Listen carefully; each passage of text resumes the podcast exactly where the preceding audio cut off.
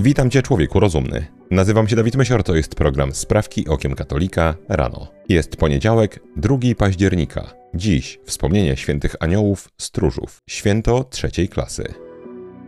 Wszystkie sprawy nasze prosimy Cię, Panie, natchnieniem Twoim uprzedzaj, a pomocą wspieraj, aby wszelka modlitwa i praca nasza od Ciebie się poczynała i przez Ciebie się kończyła. Przez Chrystusa, Pana naszego. Amen. Niemcy. Chorwacki duchowny arcybiskup Nikola Eterowicz, pełniący urząd nuncjusza apostolskiego w Niemczech, postanowił upomnieć niemiecki episkopat w kwestii podejścia do antropologii. Okazja do udzielenia reprymendy dryfującym już niemal na granicy herezji niemieckim biskupom nadarzyła się podczas ostatniego zebrania plenarnego konferencji Episkopatu Niemiec. Arcybiskup Eterowicz zarzucił biskupom przyjmowanie genderyzmu oraz teorii niezgodnych z katolicką nauką o stworzeniu, czyli między innymi o istnieniu dwóch płci. W swojej wypowiedzi nuncjusz powołał się na kontrowersyjną adhortację Amoris Leticia, oraz wypowiedzi papieży Franciszka i Jana Pawła II, a także teksty II Soboru Watykańskiego. Okazuje się zatem, że biskupi niemieccy tak bardzo już popłynęli w swoich poglądach, że nawet Amoris Leticia wydaje się przy nich ortodoksyjna. Hiszpania. Wzmagają się protesty przeciw najnowszym ustawom ułatwiającym młodzieży tzw. Tak identyfikację trans. Na podstawie nowego prawa Młodzież od 14 roku życia może zmienić imię na niezgodne ze swoją płcią, jeśli zgodę na to wyrażą rodzice. Z kolei 16-latkowie mogą dowolnie zmieniać w urzędach stanu cywilnego swoją płeć, już nawet zupełnie bez względu na fakt korzystania bądź nie z jakichkolwiek terapii czy zabiegów. Sprzeciw wobec tych zmian wyraziły ostatnio nawet feministki. Pod koniec ubiegłego miesiąca organizacje feministyczne złożyły pisma do Ministerstwa Zdrowia oraz Ministerstwa do Spraw Równouprawnienia, w których prosiły o zaprzestanie procederu okaleczania dzieci. Zdaniem wnioskodawców najnowsze prawo ułatwia zmianę płci także przestępcom seksualnym, a w sytuacji skazania ich na karę pozbawienia wolności zachodzi ryzyko, że mężczyźni trafią do celi z kobietami który to już raz w historii rewolucja pożera własne dzieci. Trzecia sprawka to krótka żywotów świętych lub informacji o danym święcie, dawka. Dziś wspomnienie świętych aniołów, stróżów. W kościele obecne jest ono dopiero od XVII wieku. Wówczas papież Paweł V nakazał obchodzenie tego święta w pierwszy dzień ferialny po święcie świętego Michała Archanioła. Następnie papież Klemens X ustanowił datę święta ku czci aniołów stróżów na 2 października. Kult aniołów stróżów był jednak obecny od samego początku Kościoła, a nawet w starożytnym Izraelu, o czym świadczą liczne wyjątki z pism Starego Testamentu, dotyczące m.in. historii Abrahama i Izaka, proroka Daniela czy Eliasza. Doktorzy i ojcowie Kościoła zgodnie twierdzili, że każdy człowiek ma swojego anioła stróża, zarówno katolik, jak i poganin, sprawiedliwy jak i grzesznik, dziecko jak i starzec. Każdy zawsze jest chroniony przez swojego anioła stróża, którego zadaniem jest dopomóc nam w osiągnięciu zbawienia. Aniołowie stróżowie starają się w każdej chwili i okoliczności życia być pomocni ludziom, będąc oparciem w dążeniu do doskonałości, jak również ratunkiem dla grzesznika, by ten nie upadł jeszcze bardziej. Czasami modlitwę Aniele Boży Stróżu mój traktuje się jako modlitwę dla dzieci. Tymczasem jest to bardzo ważna modlitwa, a jej korzenie sięgają XI wieku.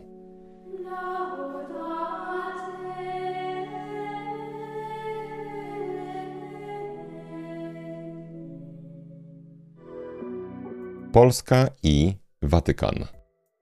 Jak informuje spółka Kino Świat, dystrybutor kłamliwej filmowej propagandy wymierzonej w polską Straż Graniczną pod tytułem Zielona Granica, to w cudzysłowie dzieło zostanie wyemitowane podczas specjalnego pokazu w Watykanie. Film pani Agnieszki Holland od kilku tygodni wzbudza duże poruszenie w polskiej debacie publicznej. Zielona Granica zostanie wyemitowana 3 listopada podczas corocznego, współorganizowanego przez Watykan festiwalu Tercio Millennio. Twórcy filmu odbiorą też specjalną nagrodę Campo, przyznawaną filmom poruszającym ludzkie sumienia i otwierającym serca widzów. Portugalia.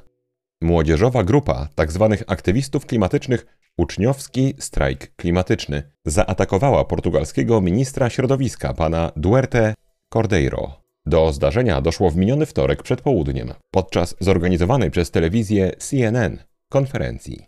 W trakcie wystąpienia ministra Cordeiro grupa młodzieżowych ekoterrorystów zaczęła rzucać w niego jajkami wypełnionymi zieloną farbą. Dzielni lewicowi bojówkarze skandowali także hasło Zatrzymajmy kryzys klimatyczny. Rząd nie robi nic.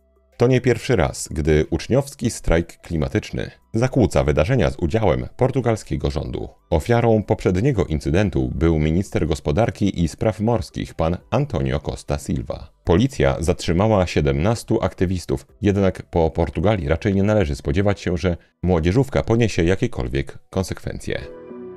Wielka Brytania w miniony wtorek brytyjska minister spraw wewnętrznych, pani Suella Braverman, wezwała przywódców państw Zachodu do reformy systemu azylowego. W czasie swojego wystąpienia pani Braverman stwierdziła, że niekontrolowana imigracja i błędny dogmat wielokulturowości okazały się dla Europy w ciągu kilku ostatnich dekad toksyczną kombinacją. Jak zauważyła brytyjska urzędnik, nikt, kto przepłynął z Francji do Wielkiej Brytanii, nie powinien twierdzić, że uciekł przed bezpośrednim zagrożeniem. Dlatego nie można takich ludzi traktować jak uchodźców. Pani minister podzieliła się także spostrzeżeniem dotyczącym skutków niekontrolowanej migracji w Europie, mówiąc: Żyjemy dziś z konsekwencjami tej porażki. Widać to na ulicach miast w całej Europie, od Malmę przez Paryż i Brukselę po Leicester. Stany Zjednoczone. Jak donosi portal infokatolika.com, Katolickie Stowarzyszenie Medyczne Ameryki Północnej opublikowało najnowszy raport dotyczący ideologii gender. W raporcie odniesiono się przede wszystkim do problemu coraz bardziej powszechnej u dzieci i młodzieży dysforii płciowej, czyli dyskomfortu i problemów psychicznych spowodowanych zaburzeniami tożsamości względem własnej płci. Zdaniem amerykańskich lekarzy od 80 do 90% przypadków takich zaburzeń ustępuje samoistnie wraz z wejściem dziecka w okres dojrzewania. Autorzy raportu zwracają także uwagę, by kategorycznie odrzucić rozwiązywanie tego typu problemu przez tzw. Tak korekty płci czy stosowanie terapii hormonalnych, gdyż takie niemal nieodwracalne zmiany mogą doprowadzić do jeszcze większych reperkusji psychicznych u dziecka, które samoistnie wyrośnie z zaburzeń tożsamości płciowej. Takich wniosków z pewnością panowie globaliści nie lubią. Polska. W miniony czwartek Najwyższa Izba Kontroli zaprezentowała najnowszy raport dotyczący polityki państwa polskiego związanej z zakupem i dystrybucją cudownego eliksiru.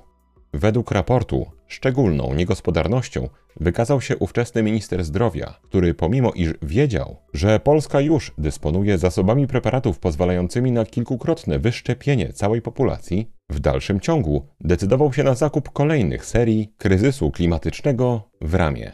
Natomiast Kolejne informacje są jeszcze bardziej interesujące. Najwyższa Izba Kontroli stwierdziła bowiem, iż w jednym z powszechnie dostępnych preparatów wystąpiła wada jakościowa pierwszej klasy, która mogła stanowić bezpośrednie zagrożenie dla życia i zdrowia pacjentów. Główny Inspektorat Farmaceutyczny, obsługujący tzw. Tak Narodowy Program Szczepień, zobowiązany był wycofać z obiegu wszystkie wadliwe kryzysy klimatyczne w ramię. Okazuje się jednak, że nie tylko tego nie zrobił, ale nawet nie ma wiedzy, dokąd owe szkodliwe preparaty trafiły.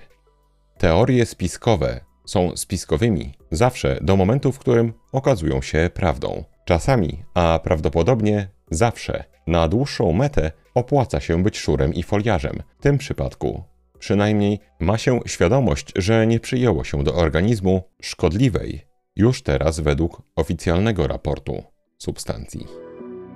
Ostatnia sprawka to krótka rozprawka. Dziś zachęta do lektury duchowej.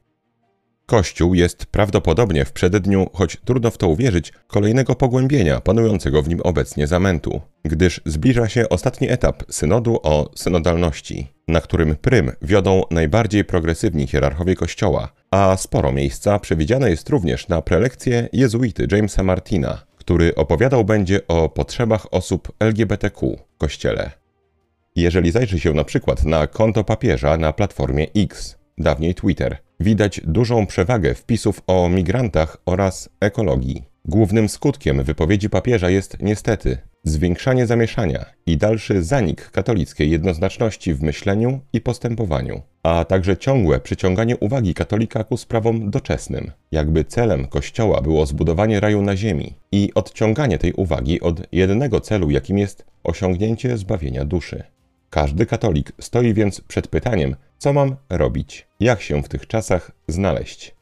To, co powiem, proszę oczywiście traktować jako opinię osoby świeckiej. Moim zdaniem, pierwszą sprawą jest zapytać siebie o swój własny poziom kompromisowości. Czy gdzieś głęboko nie tkwi w moim myśleniu to zasiada dziś niemal u wszystkich trujące ziarenko, które mówi, że nie należy z niczym przesadzać i że można jednocześnie żyć prawdą katolicką, jak i prawdami tego świata. Oczywiście nie można. I nie znaczy to wcale rysowanego w pełnych manipulacji filmach obrazka jakiegoś odludka, dziwaka, kogoś zupełnie oderwanego od rzeczywistości. Jestem pewien, że większość z nas w ogóle nie zdaje sobie sprawy, jakiej ilości manipulacji zostaje poddawany dzisiaj człowiek, żeby bał się pełni pójść za Chrystusem. A przecież sam Pan Jezus mówi, że jego jarzmo jest słodkie, a brzemię lekkie. Gdybym miał dać jedną radę współczesnemu katolikowi, brzmiałaby ona tak. Proszę uczęszczać na mszę świętą wszechczasów. I druga rada, zarówno dla tych, którzy chodzą na mszę świętą tradycyjną, jak i dla tych, którzy takiej decyzji jeszcze nie podejmują. Rada brzmi: proszę koniecznie czytać lektury duchowe sprzed Soboru Watykańskiego II. Potworny kryzys w kościele kiedyś się skończy, a każdy z nas już dziś ma szansę choć w malutkim stopniu przyczyniać się do tego, trwając przy prawdziwym katolicyzmie, zachowując wdzięczność wobec Boga i nadzieję, i być może, jeżeli dostąpimy tej łaski, pociągnąć kogoś, choćby jedną osobę, do tradycji katolickiej. Ale żeby to się stało, najpierw sami musimy się w niej osadzić. Niedobrze jest zatrzymać się w pół drogi i pozostać katolikiem urzeczonym tradycyjnym rytmem mszy świętej i krytykującym modernizm, ale na wiele kwestii nadal mieć poglądy liberalne i konsumpcyjne. Takie rozdwojenie jaźni nie będzie służyć ani nam, ani Kościołowi. Dlatego potrzebne jest pogłębianie naszej wiary przez lekturę duchową. Mój drogi słuchaczu, proszę wygospodaruj na nią koniecznie czas. To dzięki lekturze duchowej możemy stawać się coraz bardziej świadomymi, a przez to coraz lepszymi żołnierzami w służbie Bożej.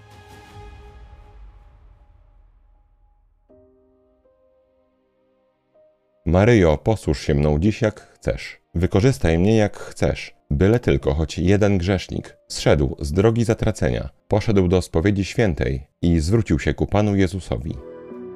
To na dzisiaj wszystkie sprawki okiem katolika rano. Jeżeli chcesz nam pomóc, daj proszę łapkę w górę pod tym filmem na YouTubie i napisz komentarz. Jeżeli chcesz wesprzeć zespół Sprawek Okiem Katolika najmniejszą chociaż kwotą, to szczegóły jak można zostać patronem naszej pracy znajdują się w opisie tego odcinka. Wszystkim bardzo dziękuję. Mój drogi słuchaczu, życzę Ci błogosławionego dnia. Święci aniołowie stróżowie, módlcie się za nami. Człowieku rozumny, trzymaj się, nie łam się i bardzo Ci dziękuję za Twój czas. Mam nadzieję, że do usłyszenia jutro. Zostań z Panem Bogiem.